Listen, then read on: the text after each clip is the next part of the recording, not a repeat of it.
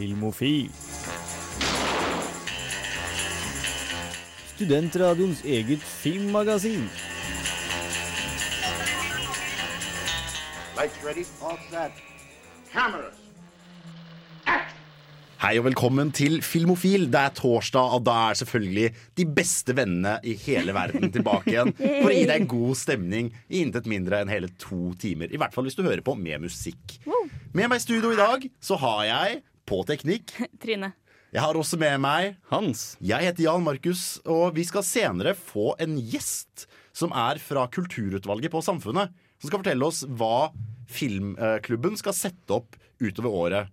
Filmtemaet denne sendingen er sci-fi. Og vi skal snakke om en sjanger som jeg personlig i hvert fall liker veldig, veldig godt. Men før det så skal du høre Torgeir Valdemar med The Bottom of the Well.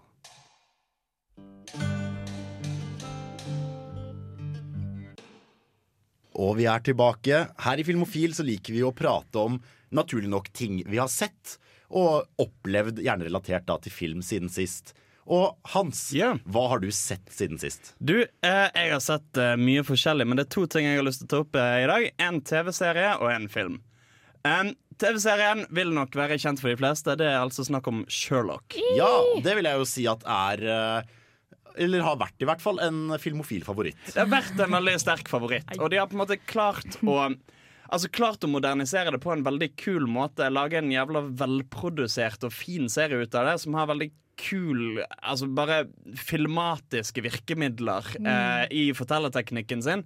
Som har føltes som et veldig friskt pust. Ja, for da jeg første gang snubla over det på uh, NRK3, så så jeg at oi, har de laget en uh, nyfilm, eller nyinnspilling av en slags reboot av uh, Sherlock Holmes-detektiven?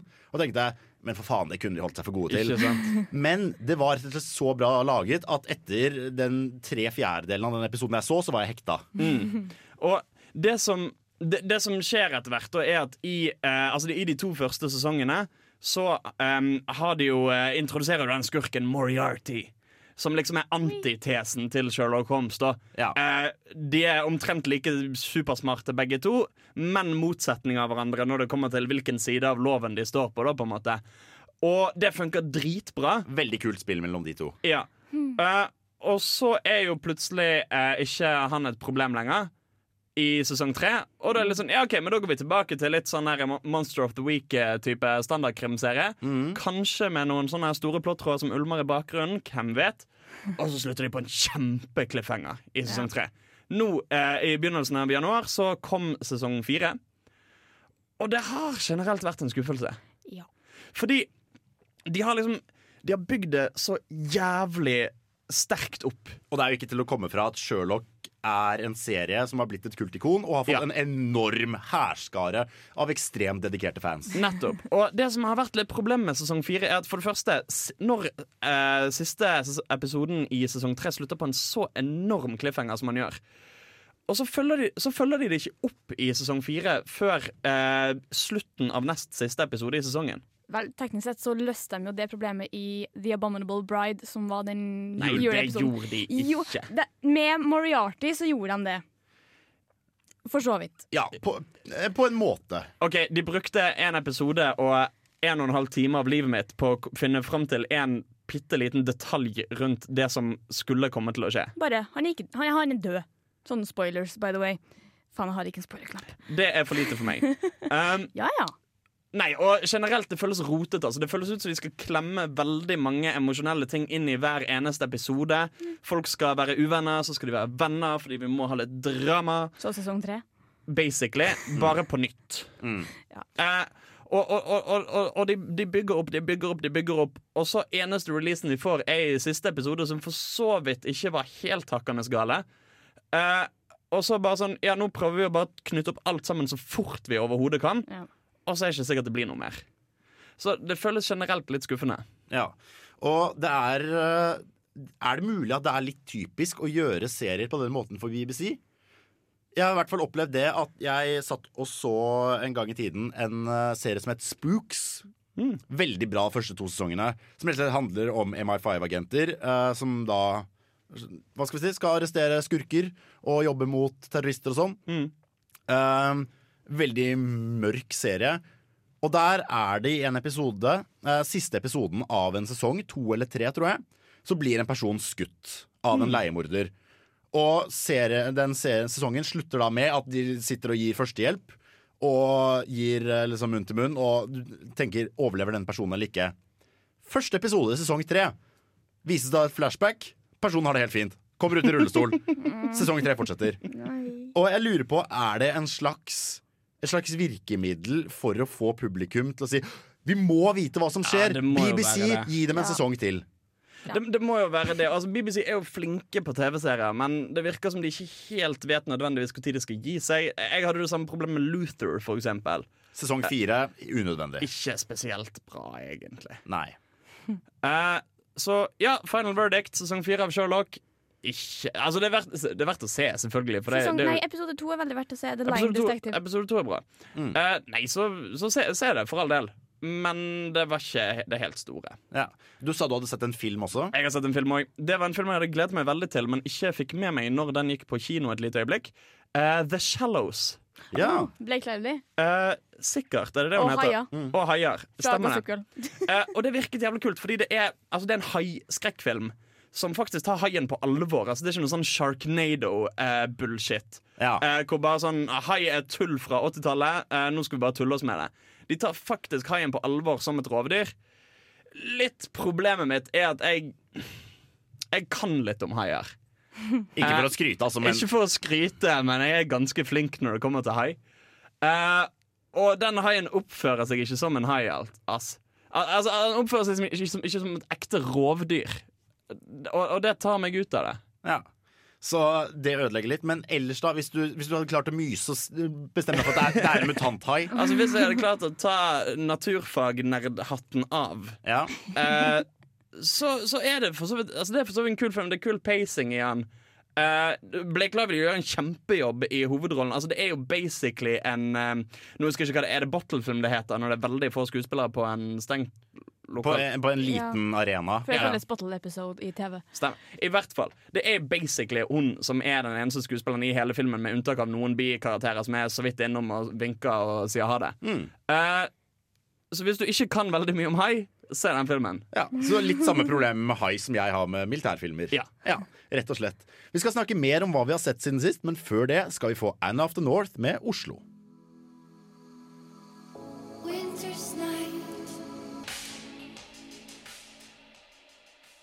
Det var Anna of the North med låta Oslo. Og Trine, Ja. hva er det du har sett siden sist? Jeg har, jeg har også sett Sherlock, og jeg sitter igjen med mye av det samme. Fordi det var litt sånn jeg satt på slutten og bare OK, sesong fire bygd opp til det her. Jeg var også, jeg har ikke sett alt av Sherlock sesong fire, bare sesong episode én.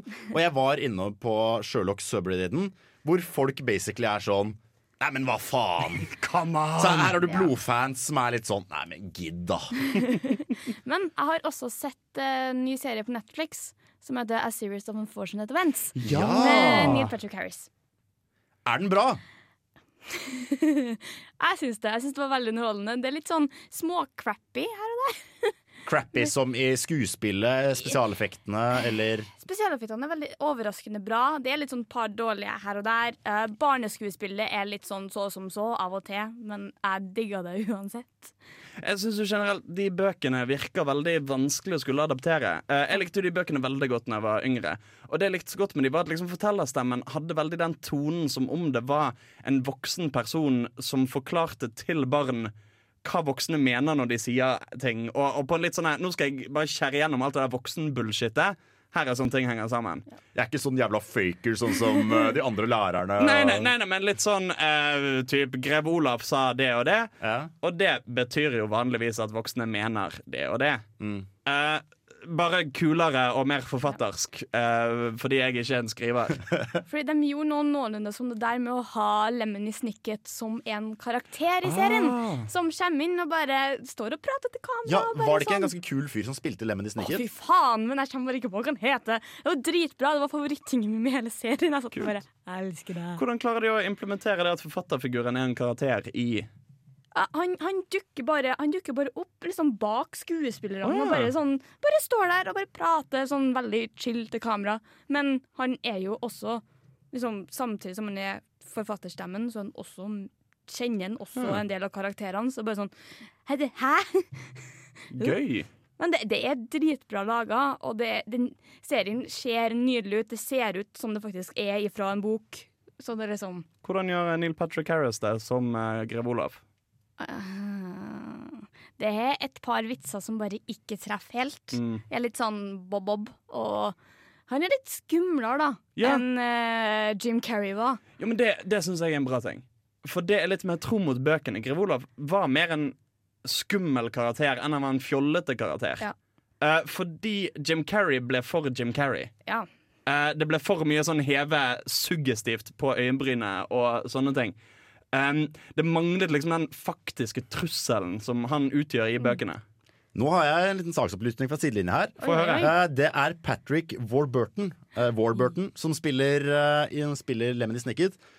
Han har tidligere spilt annet Elaines kjæreste i Seinfeld. Han litt primitive fyren som selger sabber. Gøy! Og han har også vært stemmen til Kronk i, Nei! i uh, Et kongerike for en lama. Altså da, også, altså da på engelsk.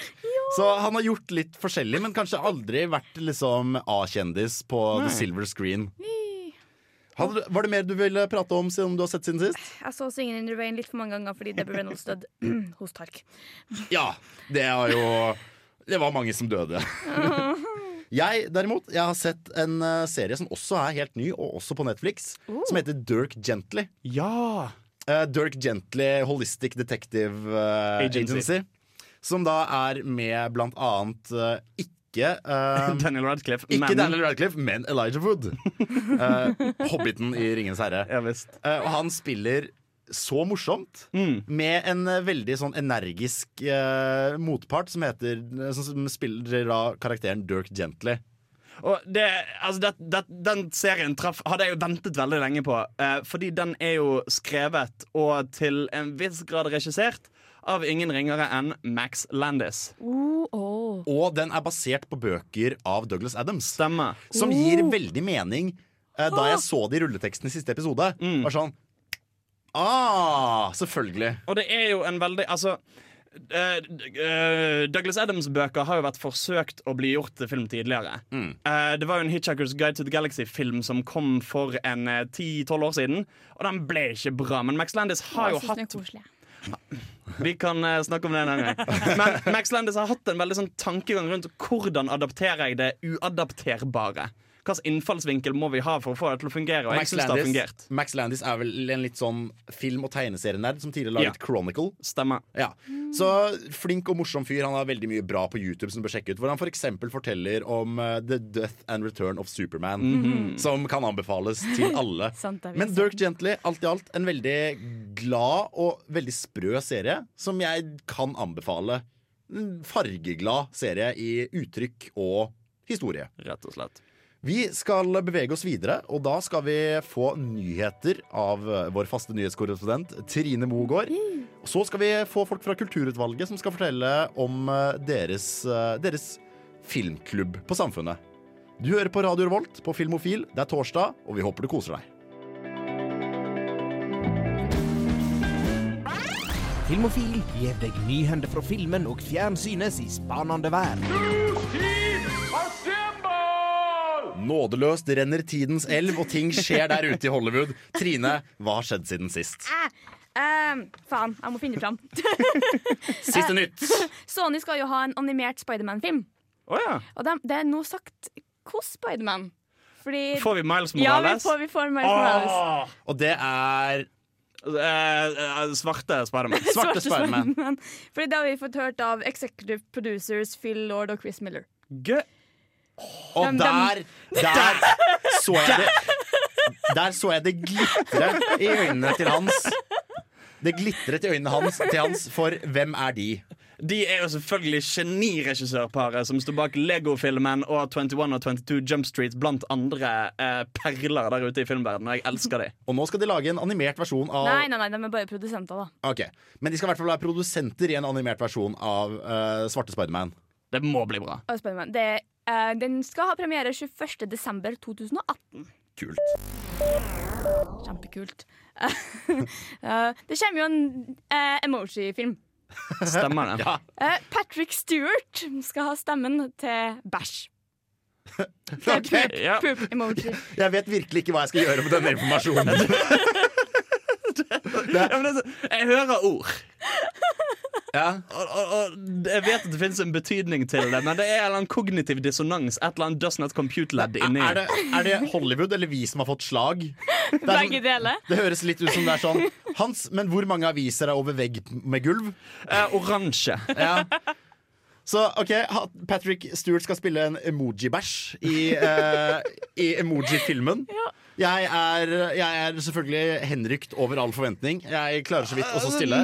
Det kan jo hende det blir bra. Nekter jeg å tro.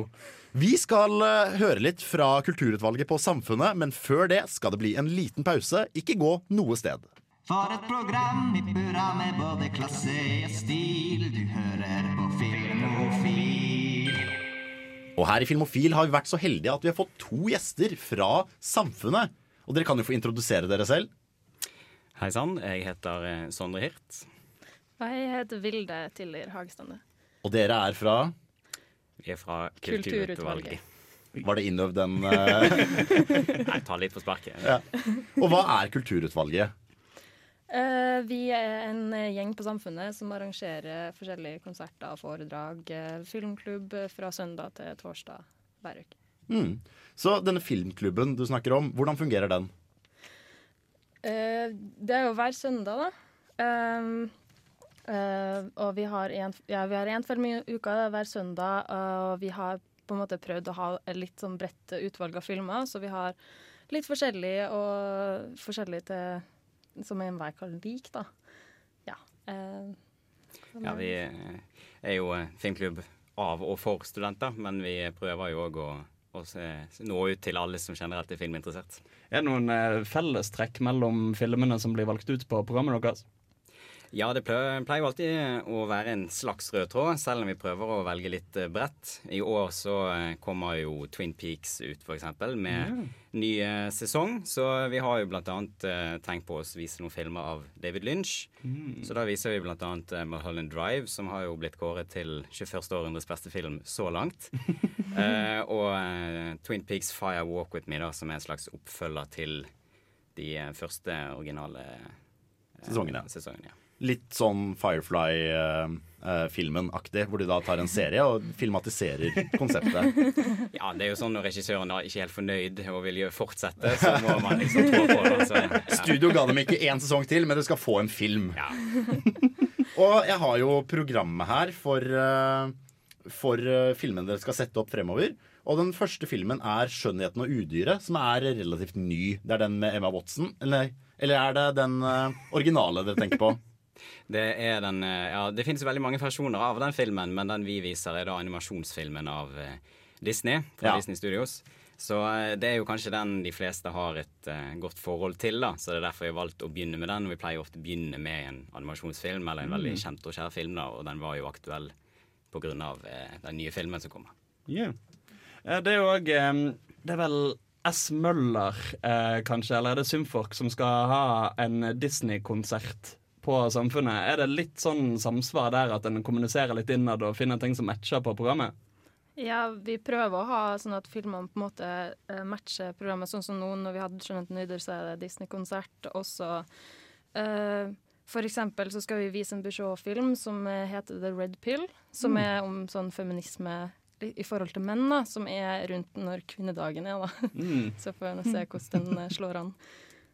Så det er en slags blanding av hva skal vi si, det nesten bare koselige, og også på en måte prøve å oppdage litt nytt. da, av Kanskje folk sånn perifere utstikkere. Ja, det er absolutt. Vi, vi holder oss ikke bare til relativt ny film. Vi viser jo òg en del gammel film. Så vi viser jo blant annet en japansk eh, film som heter Onibaba fra 60-tallet. Som for mange kan sikkert eh, oppleves litt ubehagelig. Eh, Eller så viser vi jo eh, eh, Funny Games, den eh, første da tyske versjonen. Eh, av eh, Haneke. Den eh, tviler jeg på mange syns kanskje er koselig. Så, eh, så ja, det er- skal være noe for enhver smak. Ja, for det er jo Jeg har vært en del I hvert fall for et års tid siden Så var jeg veldig mye og så nesten alle filmene dere satte opp. Og en jeg syns var veldig rar og kul, var Det var en finsk film hvor alle røykte og gikk rundt, og alle het Fred. Eh, Jeg tror det var Frank. Frank var det. Som var en fantastisk herlig og snål film.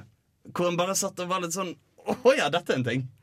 Ja, absolutt. eh, Den er nok litt snål for mange. Litt alternativ. Det er sikkert ikke så mange som har sett så mye finsk eh, film, så det er jo derfor det er litt artig å kanskje eh, utforske litt andre land enn bare f.eks. USA og Hollywood. da. Vi skal snakke mer om filmer KU skal vise i løpet av semesteret. Men før det skal dere få Neste planet med Eventyret featuring Vilde Tuv og Maja Vik.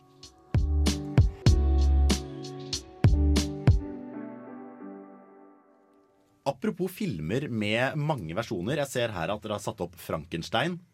Den har jo vært filmatisert noen ganger. Hvilken versjon er det det er snakk om her? Eh, Det er gjerne det de fleste ser på som klassikeren, med Boris Karloff som eh, Frankenstein-monsteret fra 1931. Eh, mange tenker oi, 31. Er det gøy, da? Men eh, det er ganske spennende og artig å se en film hvor faktisk man bruker veldig mye praktiske eh, spesialeffekter òg, da. Og det er ganske artig historie. Så jeg anbefaler å eh, få sett den. er jo en klassiker. Altså blir det av og til diskusjon på det, skulle jeg si. For det, det finnes jo en eh, rekke filmer som har blitt eh, remaket, og gjerne remaket igjen. Eh, og hvor det kanskje ikke nødvendigvis er så tydelig å skulle si at den originalen er bedre enn oppfølgeren, eller motsatt. Altså For eksempel Ben Hur finnes jo nå i tre versjoner. Eh, Jeg tror, jeg tror det finnes ni. Det finnes altfor mange versjoner. Um, og, og han, Går han alltid etter originalen, eller tenker han litt sånn kvalitativt sånn Jo, men den her passer kanskje bedre fordi det og det. Og Ja, det er et godt spørsmål, egentlig. Det er jo mye å velge mellom. Jeg tenker man eh, hovedsakelig holder seg til det som er, er den som er den mest kjente. Eh, det blir jo fort eh, Ben Hur med Charlton Heston nå, da. Eh, men samtidig så er det jo av og til litt sånn gøy å vise en film som kanskje ikke mange eh, Eller en versjon som kanskje ikke mange vet om eller har sett. Og selv om den ikke nødvendigvis er bedre, så er det jo alltid en eh, ny opplevelse. Ikke sant? Så eh, hvordan er det dere avgjør Jeg ser for meg at det må bli noen fryktelige krangler av og til om dette filmprogrammet.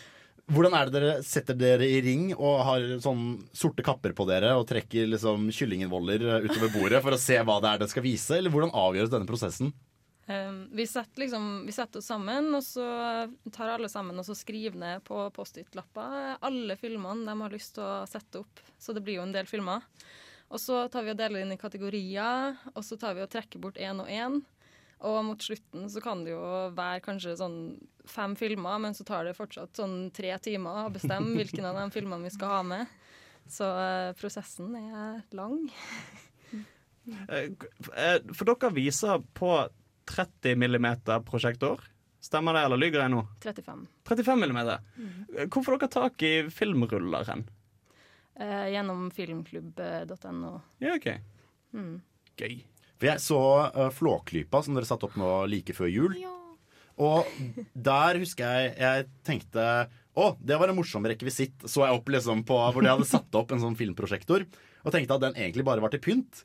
Men så stoppa filmen, og så tok folk ut rullene og begynte å flytte på maskinen. Og jeg er sånn, oh ja, vi, det, var faktisk, det var faktisk god gammeldags filmrull dere viste på. Føler dere at det gir noe til eh, filmopplevelsen? Ja, absolutt. Eh, Vi har jo prøvd å vise så mye som mulig på originale filmruller. Vi har jo hatt litt problemer med 35 mm de siste årene, da, så det har gått litt dårlig med det. Men 16 mm den funker, så det er den vi bruker når vi viser eh, Flåklypa. Og eh, ja, det er, jo, det er jo nesten som folk begynner å høre på eh, vinyl nå. sant? Det gir en slags sånn autentisk eh, stemning og litt knitring og litt dårlig bilde. og ja, Så kommer det sånn svart uh, sirkel opp i hjørnet når de må bytte rull. og- ja, ja, og så tar det fyr, og så ja. Ja, men Det er kanskje gøy at det er noe litt sånn håndverksmessig med det òg. At du må liksom sette det inn i spolene og sånne ting. At det ikke bare er å trykke på mellomromstasten på VLC, liksom. Ja, de, de, de gjør det kanskje litt mer mystisk og eksotisk. Mm. Det er jo mange som tror at film alltid har vært på Blu-ray kanskje, men eh, det er jo ikke tilfellet. da. Så det er jo like gøy å holde røttene i live fra filmens historie. Ja, visst. Så uh, helt til slutt så er det jo kanskje relevant å spørre hvordan blir man med i denne eminente filmklubben? Er det mulig for eh, gud og hvermann å komme inn og se på film hos dere? Alle som vil, kan komme eh, en søndagskveld og kjøpe seg medlemskap for filmklubben. Det koster 100 kroner hvis du vil være vanlig medlem, og da betaler du 100 kroner når du kommer. Så kommer du på filmen, og så hvis du skal se senere, så betaler du 40 kroner. Eller du kan ha supermedlemskap for 200, for du kommer på alle filmene hele semesteret. Helt gratis. Ja. Utenom de 200, Ja, da. utenom de 200. Jeg kan skrive under på at det er veldig, veldig verdt det. Mm. Så du trenger ikke være student, og du trenger ikke Det er ingen spesielle krav. Nei. Alle kan komme. Ja. Og hvor er det man finner programmet for, eh, for det dere har satt opp? Du kan finne det på eh, Samfunnet eh, sine nettsider, eller du kan finne det på Studentersamfunnet filmklubb på Facebook. Mm. Så der eh, har dere rett og slett eh, vår anbefaling. Gå på eh, Facebook, og, eller gå på Samfunnet, og sjekk ut Sjekk ut eh, filmklubben KU der. Tusen takk for at dere ville gjeste oss og fortelle Er det noe? Nei da, bare fortsett du, Jan Markus. Jeg bare fortsetter her. Tusen takk eh, for at dere ville være gjester her. Og vi, dere er hjertelig velkommen tilbake hvis dere er mer på programmet eller mer dere vil promotere her i Filmofil. Nå skal dere få høre JFDR med Airborne her på Radio Revolt. There's nothing to. Da var den offisielle promoteringen av KU og Filmklubben over, men Sondre og Vilde er her fortsatt fordi dere har mer på programmet som dere kan friste med. Absolutt. Eh, vi har jo eh, kanskje semesterets gøyeste arrangement, eh, som er hver vår. Nemlig The Rocky Horror Picture Show. Å, yes. Og det er jo helt fantastisk. Jeg vil si det. Eh, det er jo eh, absolutt en kveld for de som vil utforske litt andre sider med seg sjøl. Kanskje du føler at endelig yes, det her er den kvelden jeg kan være meg sjøl. alt er mulig. Eh, og fordi, eh, Hvis du sitter der hjemme og lurer på hva er Rocky Horror Picture Show, så er det rett og slett en kultfilm med noe alternativ livsstil i fokus, kan man vel si. Eh, mye fokus på kanskje det homofile og transmiljøet. Og også en veldig sær skrekkfilm med litt lav budsjett og Tim Curry i hovedrollen. Mm, Tim Curry. Så måten man ser denne filmen på, er det at man kler seg ut som, uh, kler seg ut som protagonistene i filmen. Uh, eller Barbie-karakterer. Og deltar da underveis med å kaste ris og får, uh, får manus du skal skrike til skjermen på gitte tidspunkt. Fryktelig gøy. Eh, Jeg ser her at dere har en filmquiz òg gående. Hva er det for noe? Det er det som det står. på å Si. Det er en fin quiz. Um, vi har jo eh, hatt filmquizer uh, jevnlig, med litt bortfall av og til. Men nå har vi klart å opprettholde det over de siste to årene. Så da prøver vi å ha to ganger i løpet av semesteret med filmquiz for eh, både de som anser seg sjøl som rene filmbøffer, og de som kanskje ikke kan fullt så mye. Så vi prøver å treffe de fleste. En trenger ikke kunne liksom gamle nyveivfilmer på rams eh, for å kunne delta. Nei, ikke for å delta, men eh, det er absolutt en fordel. For det, eh, det er nok mange som syns det er litt eh, høy vanskelighetsgrad på det, men eh, desto mer spennende og utfordrende blir det jo. Ja, hvor, hvor vil du si at filmquizen ligger i vanskelighetsgrad? Er det P3 Filmpolitiet, eller er det liksom Har du ikke hørt om Kurosawa, så kan du bare gå. Det er fra middels til høy vanskelighetsgrad, kanskje. Eh, men vi gir òg premier til taperlaget, da, så vi prøver jo å få alle til å holde ut og ikke gi opp. da. Så vi prøver å inkludere. Så det er rett og slett, eh, hva skal vi si, stor takhøyde, men ikke forvent å nå opp til taket. Rett og slett. Eh, Så vi skal begynne å bevege oss inn i temadelen av denne sendingen, hvor vi skal snakke om sci-fi, science fiction. Eh, Et tema som er fryktelig, fryktelig morsomt.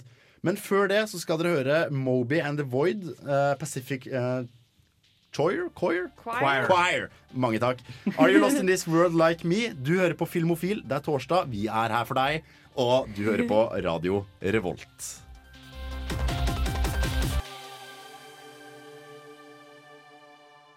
Vi har beveget oss inn i temadelen av Filmofil, som er sci-fi. Yes. For i studentmediene så har vi nå faktisk temauke. Ja, eller kulturseksjonen har temauke. Kulturseksjonen i Radio Revolt har uh, temauke. Sier jeg som stolt kulturprodusent. Ja.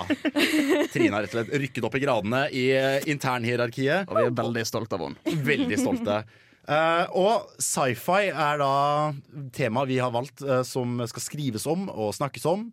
Eh, og det er litt vanskelig å definere. Hva er sci-fi? Det kommer jo først og fremst av science fiction. Altså Det er jo rett og slett Altså det går under det som heter fantastisk litteratur, eller speculative fiction, som det heter på engelsk. Eh, hvor en undersøker rett og slett en tenkt visjon av virkeligheten basert på tendenser en ser i dag, typisk innenfor vitenskap eller politikk. Eh, eller ideologi, da, kanskje. Eh, så det tar jo mye for seg f.eks. romferd. Eh, det tar for seg kunstig intelligens. Eh, det er ofte type snakk om totalitære regimer, postapokalyptiske scenarioer, hvor en ser på hva har vi i dag, og hvis utviklingen går som den går i dag, hvor kan vi ende opp hen? Hvor er vi, og hvor skal vi hen? Where did you come from? Where did you go? Where did you come from, Cotton Eye Joe? Stemmer det. Science Eh, fiction Joe, kanskje. Uh, Science fiction oppsummert. rett og slett. Og det er jo noe som ligger også i titlen, eller i sjangeren her, science fiction. Det er veldig uh, fokusert på ofte vitenskapen. Ofte så brukes da vitenskapen som et virkemiddel for å fortelle noe om oss, eller fortelle en historie, eller fortelle noe om samfunnet vi lever i. Og det blir jo ofte mye om hvor, hvordan mennesket kanskje forsvinner oppi alt dette teknologijaget. Eh, al altså Typisk mye av litteraturen som kom eh, på, på i forrige århundre, skulle jeg til å si, altså på 50- og 60-tallet, handlet jo mye om hvordan eh, en ble bare biter i et maskineri hvor eh, disse totalitære regimene skulle trykke ned på oss visse handlingsmønster, visse atferdsmønster, og hvor i teknologiet ble vi bare biter og tannhjul i et stort maskineri. Med dagens teknologi og samfunnet som helhet så har vi jo aldri vært mer sammenkoblet enn vi er nå. Men snakker vi egentlig sammen? Det er veldig dypt. Vi skal snakke om sci-fiens historie, men før det skal du få British Sea Power med Bad Bohemian.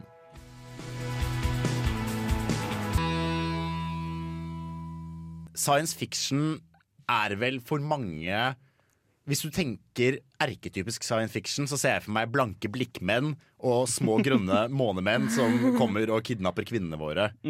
Eh, og science fiction har jo gjort en utvikling opp gjennom tiden.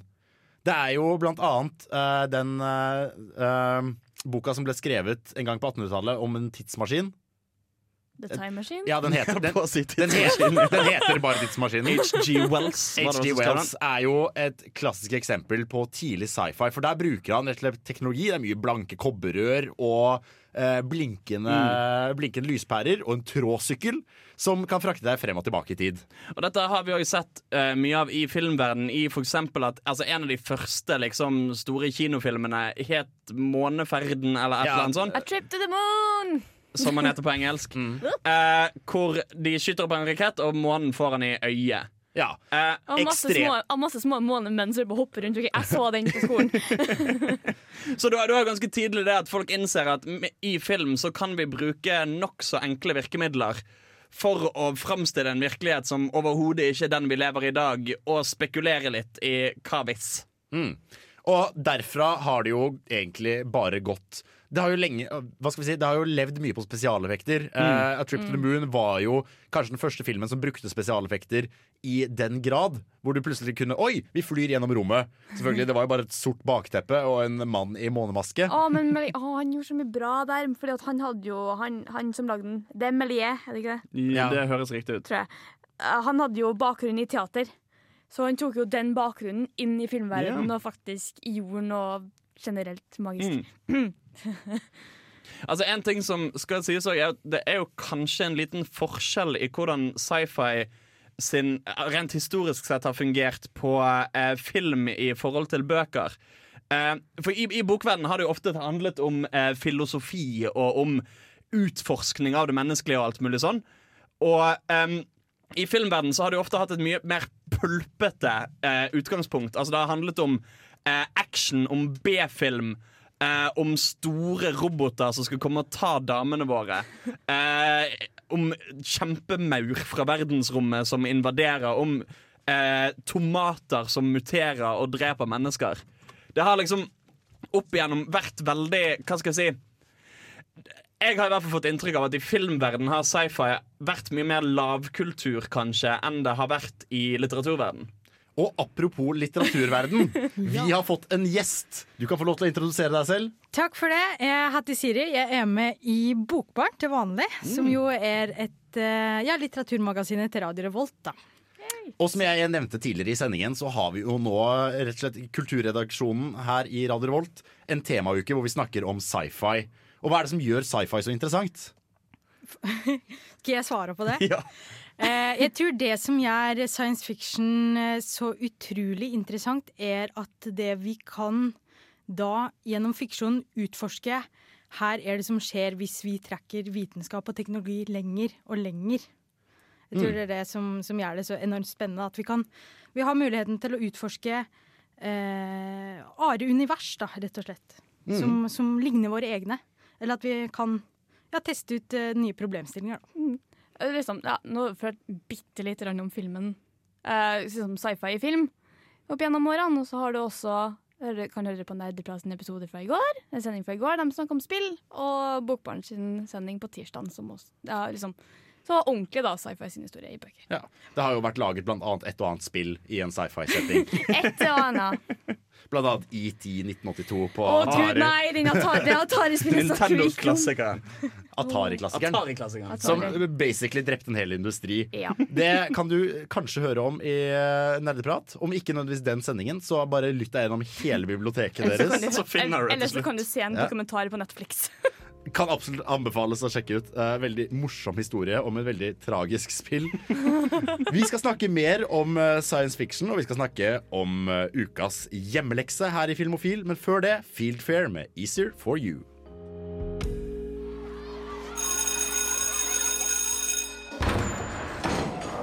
There will be no foolish wand waving or silly incantations in this class. No, okay, that's it for the day then. Today, we have a similar debate over this. Anyone know what this is, class? Anyone? Anyone? Anyone seen this before? Ukens hjemmelekse. Og her i Filmofil så gir vi jo da alltid uh, I forrige sending så gir vi da ukas hjemmelekse til neste sending. Hjemmeleksen vi ga forrige sending, var Blade Runner, for det er jo en sci-fi-klassiker. Visst faen. Uh, og det handler da basically om Deckard, som spilles av Harrison Ford, som går rundt og jakter det som kalles replicants. Uh, og replicants ser ut som mennesker, uh, men er litt sterkere og noen tilfeller veldig smarte. De er rett og slett maski biologiske maskiner.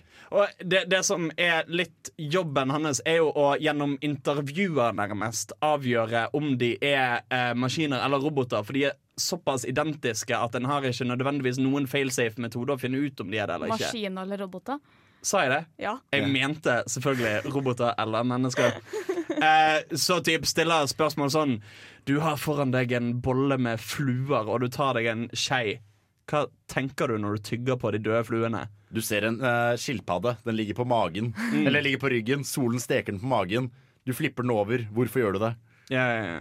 Og så viser det seg da ut fra reaksjonen deres og litt sånn øyeskanning, eh, så finner man da ut om de er mennesker eller ikke. Og det byr jo på problemer. Ja, for det er nettopp det. Det avhenger av deres følelsesmessige respons på det. Og, eh, og, det, og det synes jo ved at det de rett og slett zoomer inn på, på og sjekker hvorvidt irisen utvider eller innskrenker seg, vel. Mm. Du har jo også sett denne filmen. Ja. Har du sett mye science fiction-film? Nei, ikke altfor mye. Hva synes du om denne? Jeg syns den var veldig dyster og merk. Eh, og mm, eh, den er jo satt fram eh, Altså, det er New, New York, nei, Los Angeles, 2019. Ja, altså. ja, Det nærmer seg med stormskritt. Ja, det er det. The Trumpian future. Å nei! ja. Det kan jo faktisk godt hende. Men, eh, nei, ja, men det er, eh, jeg, syns, jeg syns den var veldig, veldig bra. Jeg sleit faktisk litt med å henge med på, på en del av plottet. For Mm. det er jo sånn derre startsvignett der det står at, uh, at eh, de jakter på rep, eh, replicants. Mm. for de har en form sånn Nexus 6-hjerne er det vel den de er utstyrt med. Da. Så Mm. akkurat de her som jaktes ned, er, er da på en måte bare en enda bedre versjon av de, de tidligere. Som har blitt brukt ute i kolonium og egentlig ikke er i, er i vår verden. Da. Så Og det finnes jo så ufattelig mange versjoner av Ja. den forbanna filmen. Ja. Uh, Hvordan hvordan versjon er- jeg, jeg, jeg fikk ikke til å se den, Fordi um, jeg, har egne, jeg har egne grunner. Men hva er best, og hva er verst å se? Nei, fordi som du sier, den finnes i veldig mange versjoner. Sånn jeg har forstått det, så er den virkelige versjonen skulle jeg si, er Ridley Scott sin cut. Okay. Sin er, det er det, han som regisserte den, sant? Jeg Ja. tuller Ja, ja, det er Ridley Scott. Jeg blander ofte han med James Cameron av en eller annen grunn. Hmm. Um, men det, sånn jeg har forstått er det hans cut som er den egentlige versjonen. Fordi eh, det er jo litt sant det du eh, sier, Siri, at den er litt tung innimellom. Det går kanskje av og til litt kjapt i svingene, og det er, kan være litt vanskelig å henge med. Så visstnok så hadde det med typ sånne eh, fokusgrupper og test audiences og sånn.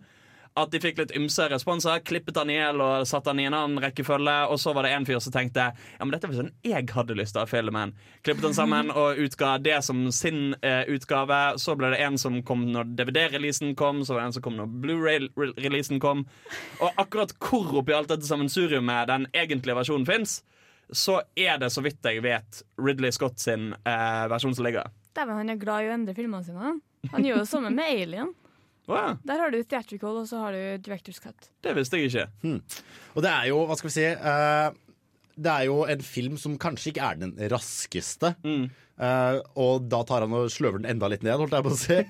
Men det funker vel i en film som er såpass filosofisk til tider. Ja, og en av de vesentlige forskjellene mellom cutsene er jo slutten av filmen. Uh, fordi uten å gå i spoiler-territorium her, så slutter jo filmen med en monolog fra en av replicantsene, som jeg ikke husker navnet på i farten. Mener du Um, Tears in the Rain? Tears in the Rain-monologen. Og den har eksistert i mange versjoner i de forskjellige klippene. Så vidt jeg har forstått, I en av klippene var han ikke med i det hele tatt. Uh, I en av klippene så ble den spilt av, og så var det en voiceover fra Harrison Ford. Kom bare sånn Å, det fikk meg til å tenke på at kanskje sånn og sånn hang det sammen. Ja, ja, ja, ja, ja, ja. Som bare var klippet på etterpå, Lang og som brøyt helt med budskapet i hele talen men dummet det ned nok på et vis, sånn at publikum kunne forstå det bedre. Og de på en måte gjorde han dummere og teitere og kjipere. Så i den virkelige versjonen så er det kun den talen i sin helhet. Som han, hva han heter Rutger Bauer, han som spiller eh, han eh, roboten. Jeg tror det er noe sånt. Eh, Visstnok mye skal ha improvisert eller skrevet på egen hånd. Ja. Han fikk en del av manuset, og så bare Ja, kult, dere skrev det, ja. Jeg, jeg gjør min greie. Og det ble en av de mest kjente filmmonologene noensinne. Og dette er jo en film som er basert uh, i en viss grad på en bok. Jeg vil si at det er umiddelbart to bøker som stikker seg veldig ut, som filmer liker å basere seg på. Det er Heart of Darkness, og det er uh, filmen denne er delvis basert på, eller i hvert fall inspirert Boken. av. Du, ja, uh, Do Androids Dream of Electric Sheep. Som eh, blant annet også kanskje ikke fullt så uh, klassiske I, Robot fra 2004 med, med Will Smith i hovedrollen også er basert på. Uh, og den er skrevet av forfatteren Philip K. Dick. Ja. Eh, og handler da basically Når er en maskin et levende vesen? Og for du, Siri, sa jo at du har lest litt av denne boken. Ja. Uh, Du som er vårt litteraturalibi her i kveld. Ja, ja. Eh, Og du nevnte et eller annet om at fra åpningssekvensen av, skulle jeg si, så skiller de seg litt fra hverandre. Ja, enormt. Altså For det første så må vi si da at filmen er satt eh, i 2019. Mm. Boka eh, Nå husker jeg ikke helt hvilket årstall den kom ut i, men jeg tror det er 60-tallet en plass. Veldig sånn LSD-prega narrativ. eh, men den er altså satt fram i framtiden nå, eh, til eh, 1992. Ja! Ja. Eh, så det er på en Faen, vi måte glipp av det, folkens! Ja. men, det, men greia, i første kapittel så møter vi jo da eh, eh, Richard, eller Rick Deckart, da. Ja. Mm. Eh, men i første kapittelet i boka så har han en kone. Han kan på en måte eh, ringe inn forskjellige tilstander. Så hvis han ikke føler for å gå på jobb, så kan han bare slå et visst nummer, og så kommer han til å få den følelsen. Så han da ønsker å gå på jobb. Og, og kona også kan da, kan da slå noen sifre og få lyst til å ha sex med, med sin mann. da. Så det er jo åpenbart veldig, veldig hendig eh, univers, det her. Ja, Det hørtes jo fryktelig praktisk ut. Veldig, veldig praktisk. Men, eh, men han Ja, så vi møter han, kona hans. Eh, Iran, som hun heter. Så, men nå har jeg ikke helt lest slutten, så jeg veit ikke om han faktisk ligger med Rachel i, eh, i boka. Mm. Eh, og så møter vi hans elektriske sau, som da bor på taket, som heter eh, Grucho. Den forsvant jo i filmatiseringen. Ja, det, ja hele den der, altså, dyregreia syns jeg forsvinner veldig i filmen. Ja, for der var det en ting. Eh, Jeg, jeg var jo gjest eh, i Bokbarn-sendingen på tirsdagen hvor vi snakket om dette. Og da eh, var det vel du eller eh, Johannes som snakket om det at eh, I bokversjonen så drar de veldig fram dette med at det å ha dyr er et enormt luksussymbol i eh, denne verden, fordi basically alt har gått til helvete med økosystemet. Og mange dyr er utryddet. Og derfor kommer det inn litt dette at vanlige fattigfolk har elektriske kjæledyr, og da disse sauene. Ja. Ja, og han eh, Tyrell og hun eh, Rachel også klarer å på en måte prøver å press, utpresse, blackmaile Mm. eh, Deckard med at eh, de, hvis han gjør som de eh, sier, så kan han få en struts. og han har veldig lyst på en struts. Ja, jeg, jeg skulle til å si jeg hadde gjort mye for en struts.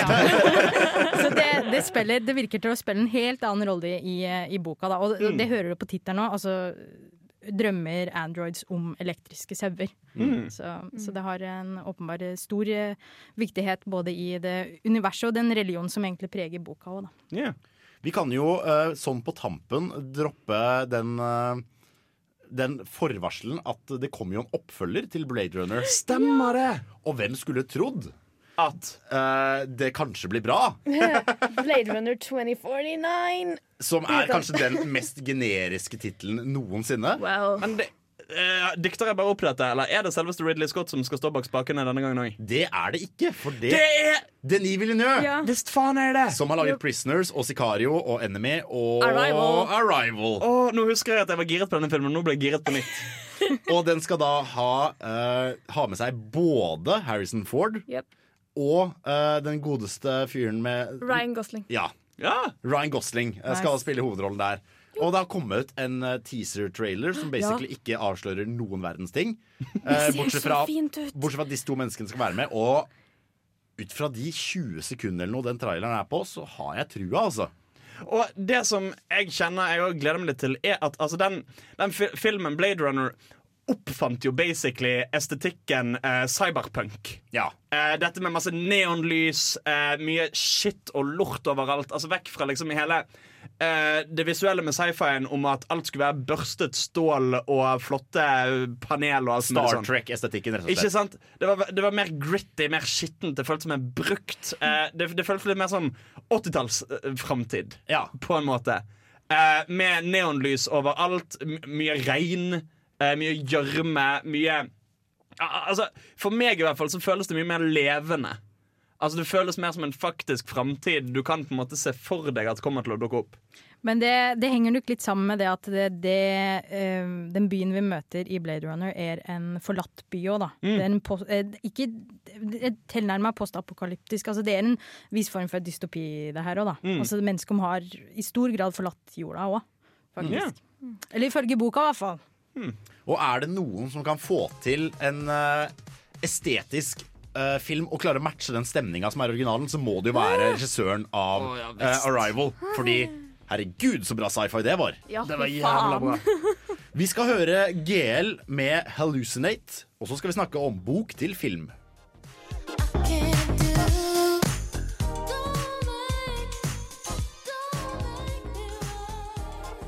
Bok til film er et veldig kjent konsept. Eh, filmatisering av bøker har jo vært gjort så lenge det har vært film, og sci-fi er jo ingen unntak.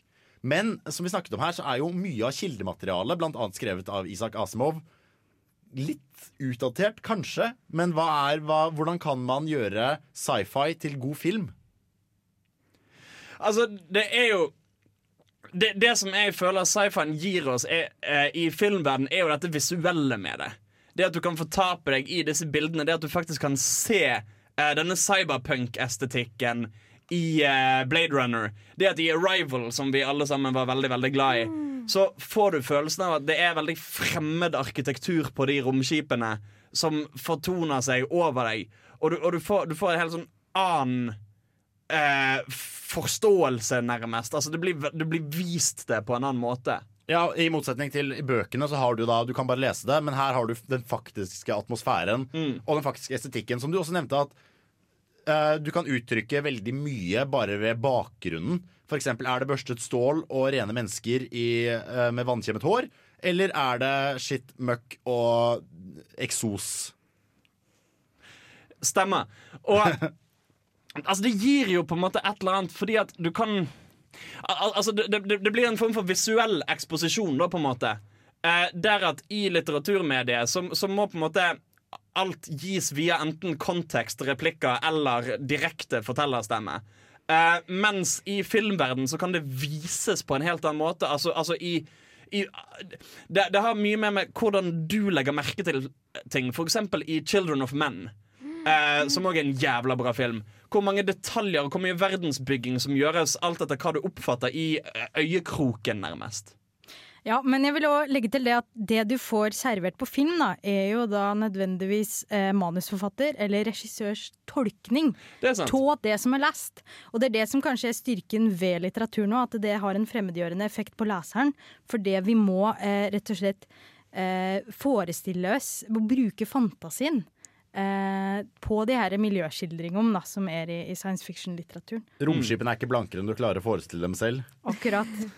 Og det er jo et eller annet med ja, For, for litteraturmediet har jo det òg at selve språket kan forme hvordan du oppfatter verden rundt deg. En av mine favorittbøker som akkurat så vidt passer inn i sci-fi-sjangeren, kanskje, The Road av Cormac McCarthy. Eh, hvor det har vært eh, et eller annet postapokalyptisk scenario. De hinter til at det er atomkrig, men det blir aldri helt bekreftet.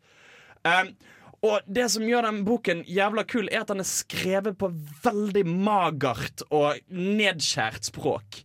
Eh, det er veldig, veldig lite detaljer, veldig lite eh, ornamentikk i språket. Eh, det er veldig sånn Gutten gikk bort til steinen. Han satte seg. Veldig akkurat det du trenger å vite. Replikkene er korte. Eh, ingen, nesten ikke et adverb i hele boken. Eh, og det bidrar til denne følelsen av tomhet og hjelpeløshet.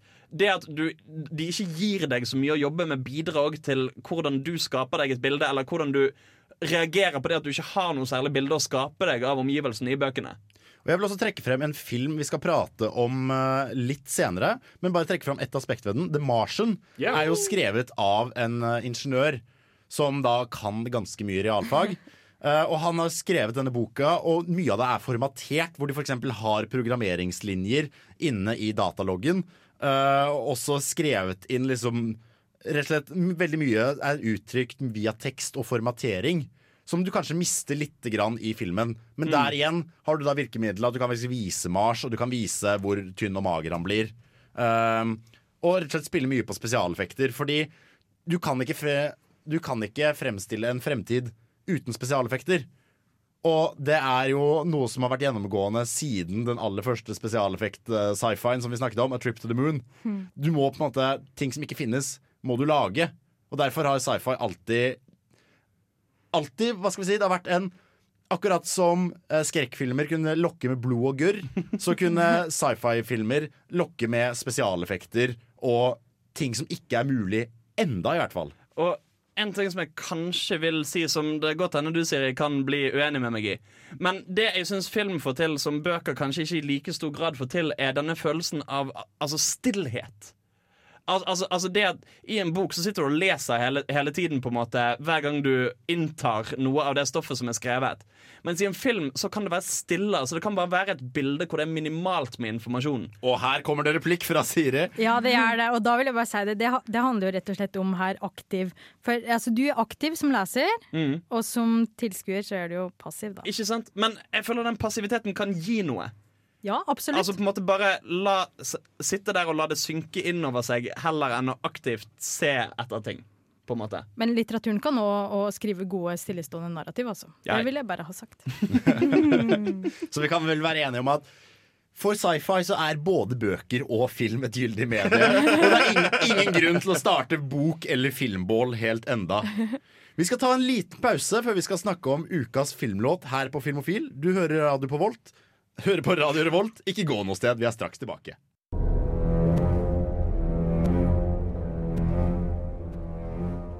Dette er ukas filmlåt her på Filmofil.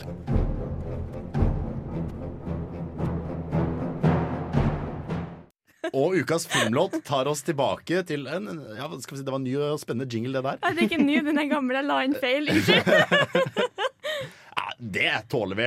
Gammel, eh, gammel temasang eh, og en gammel jingle. Men ukas filmlåt tar oss litt tilbake til en film jeg nettopp nevnte, The Martian.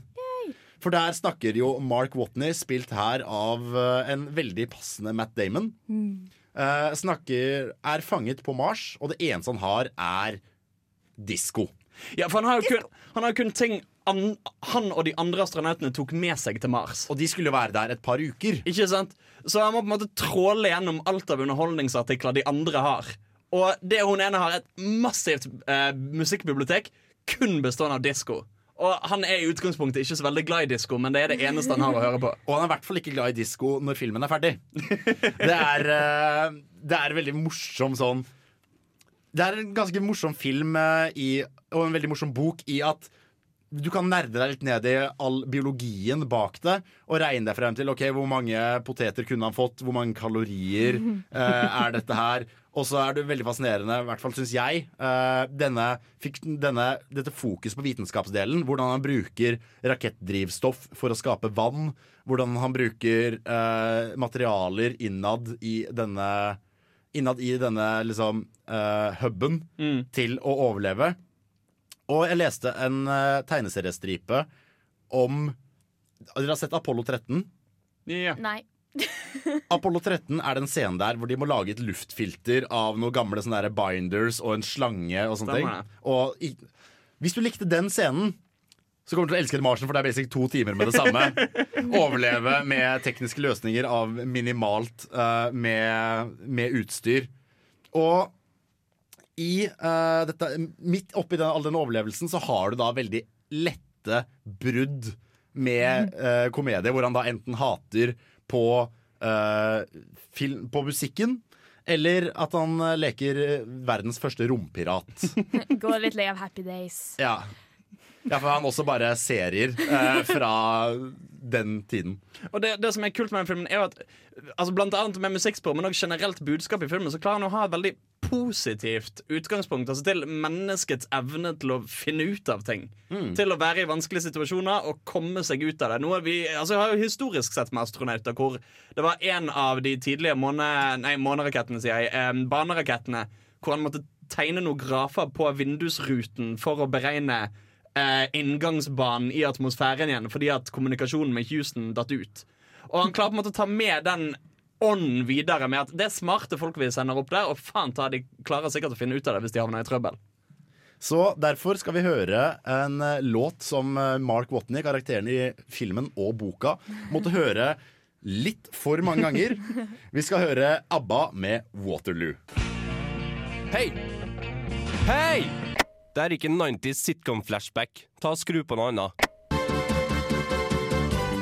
Ja, bedre, men prøv igjen. Der, ja! Filmofil presenterer ukas serie. Oh, oh, jeez, Rick!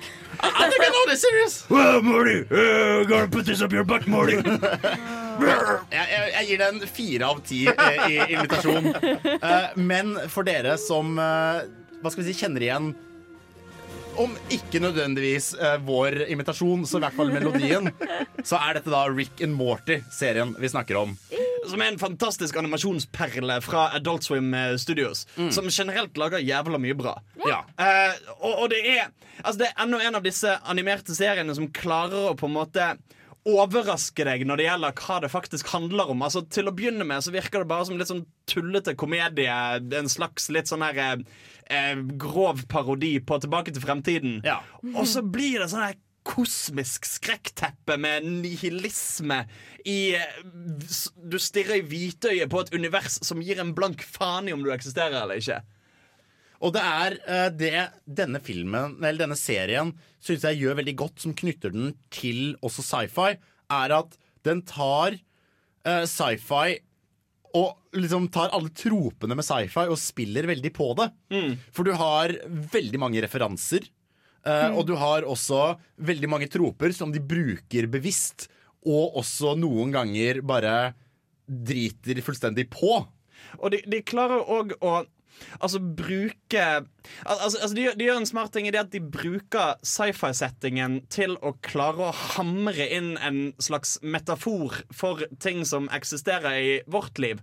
Altså det at du har dette enorme universet og enormt, altså uendelig mange parallelle dimensjoner. Hvor alt er mulig, alt som kan skje, skjer et eller annet sted. Du er bare en bitte, bitte, bitte liten mikroskopisk liten flekk på en mikroskopisk liten flekk på en mikroskopisk liten flekk i den uendelig store teppet som er eksistensen. Og, og, og, og, og den klarer på en måte å skape det bildet som for så vidt på en mindre skala selvfølgelig er relevant for oss som mennesker på en planet med eh, syv milliarder andre mennesker.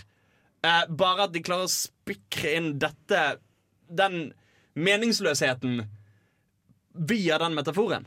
Ja, og det er eh, Det er i tillegg til å ha disse veldig, veldig store nihilistiske filosofiske bakteppene, så har du også rett og slett bare humor. Jævla bra sånn. Enkel humor til tider. eh, Og andre ganger bare ekstremt smart humor. For det virker, altså det virker som de har hatt en jævla Jeg tenker i hvert fall at Tanken har nå kommet først med de grove trekkene. Hva skal det handle om? Og så har de bare tenkt ok, hva er gøy å ha med.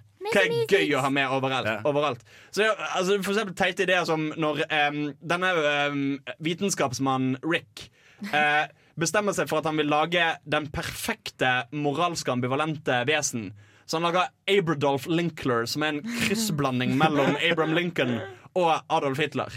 Vi har også med et klipp fra Rick and Morty her, som du har gravd opp, Hans. Stemmer det. Dette er Altså, De klarer å eh, havne oppi noen wacky hijinks som gjør at eh, basically de klarer å ødelegge hele verden. Eh, og så reiser de til en parallell dimensjon hvor de ikke gjorde det, men de to dør i den parallelle dimensjonen. Så de tar da og bare skjuler likene til seg sjøl og overtar deres plass i denne parallelle dimensjonen som om ingenting hadde skjedd. Jeg syns vi skal høre det klippet. Hey, uh, you doing okay? I kind of know how you feel, Summer. No, you don't. You're the little brother. You're not the cause of your parents' misery. You're just a symptom of it. Can I show you something? Morty, no offense, but a drawing of me you made when you were eight isn't gonna make me feel like less of an accident. That out there? That's my grave. Wait, what? On one of our adventures, Rick and I basically destroyed the whole world. So we bailed on that reality and we came to this one. Because in this one, the world wasn't destroyed. And in this one, we were dead.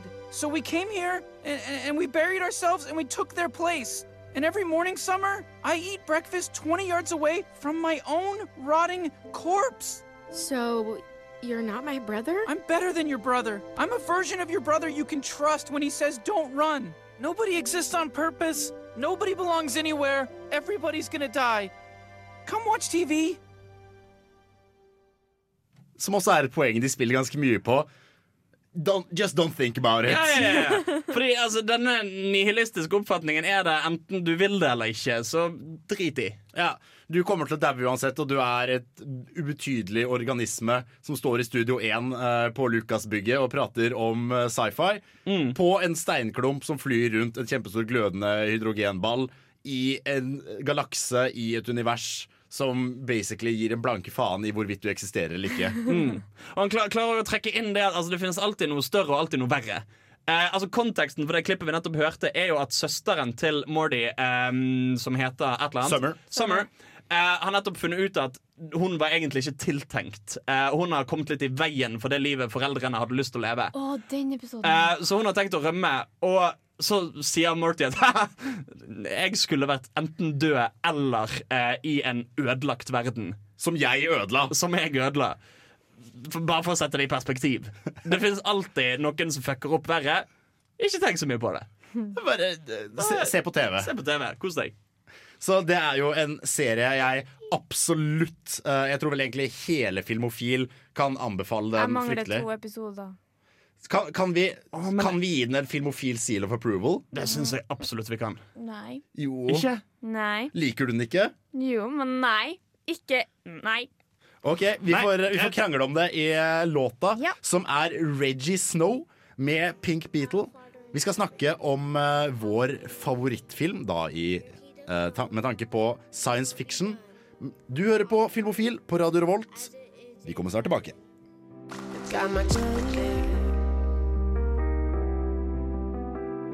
Som normal høflighet tilsier, eh, og som vi kanskje hadde hatt godt av å bruke mer av her i Filmofil, så eh, skal jo gjesten vår Siri, får lov til å fortelle sin uh, favorittfilm innenfor sci-fi først. Ja. Um, vi har jo, altså det er jo hele kulturseksjonen ved Radio Revolt nå som har science fiction-uke, så vi har jo hatt en del diskusjoner på temaet.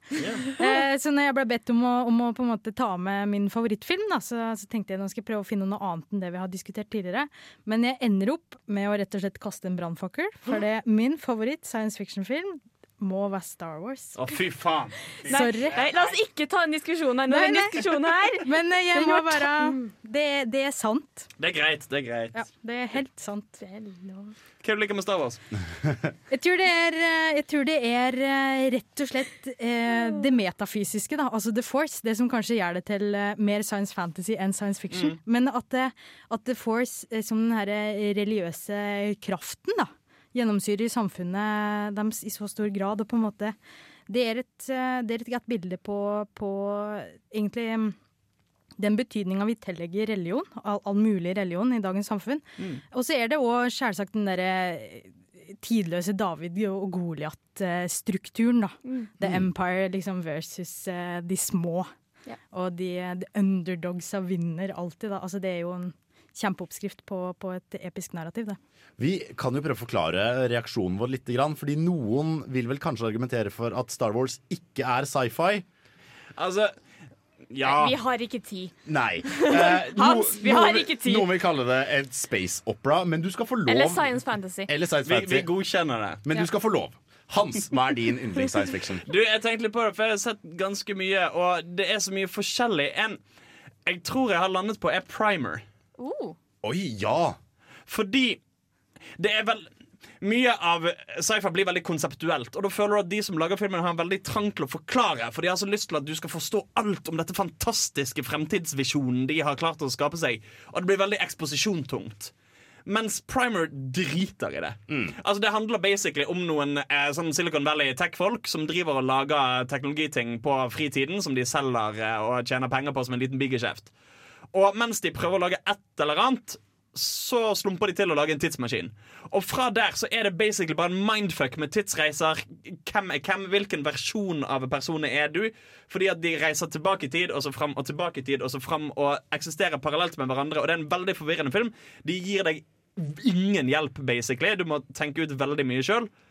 Veldig kul film. Ja, Det er en film du må se tre ganger, og gjerne med notatbok de Ja. siste to.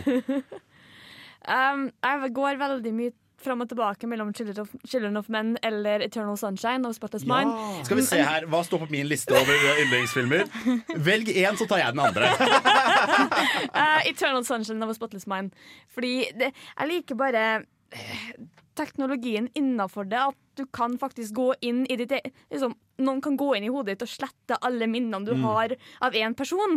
Og hvor mye det du, du skjønner til slutt at faen, jeg har ikke lyst til det her. Mm. Jeg har lyst til å komme meg videre. Og sånn, øh. Og det er jo, Der har vi jo sci-fi igjen, som bruker et konsept til å undersøke litt hva det er å være menneske. For Ja. det handler jo det foregår jo basically Folk kjører rundt i Honda Civics og eh, lever livet. Den eneste forskjellen er at du har en maskin som kan slette minner. Ja. Og det gjør så mye med din personlighet og hva du kan gjøre som menneske. Mm.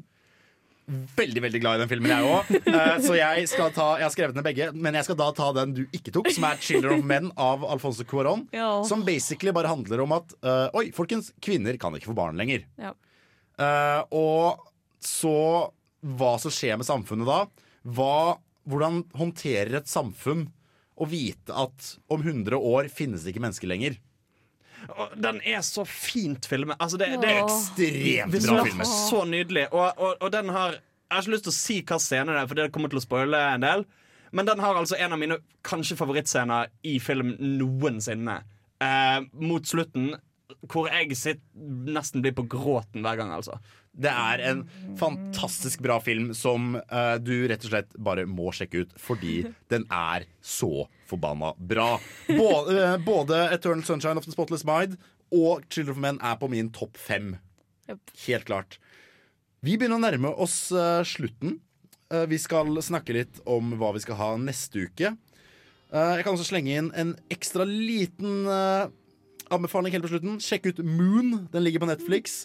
En film ikke så veldig mange har hørt om, men en veldig litt ukjent, men veldig god science fiction-film. Du skal få Lars Vaular med 'Heartbreak Hotel'.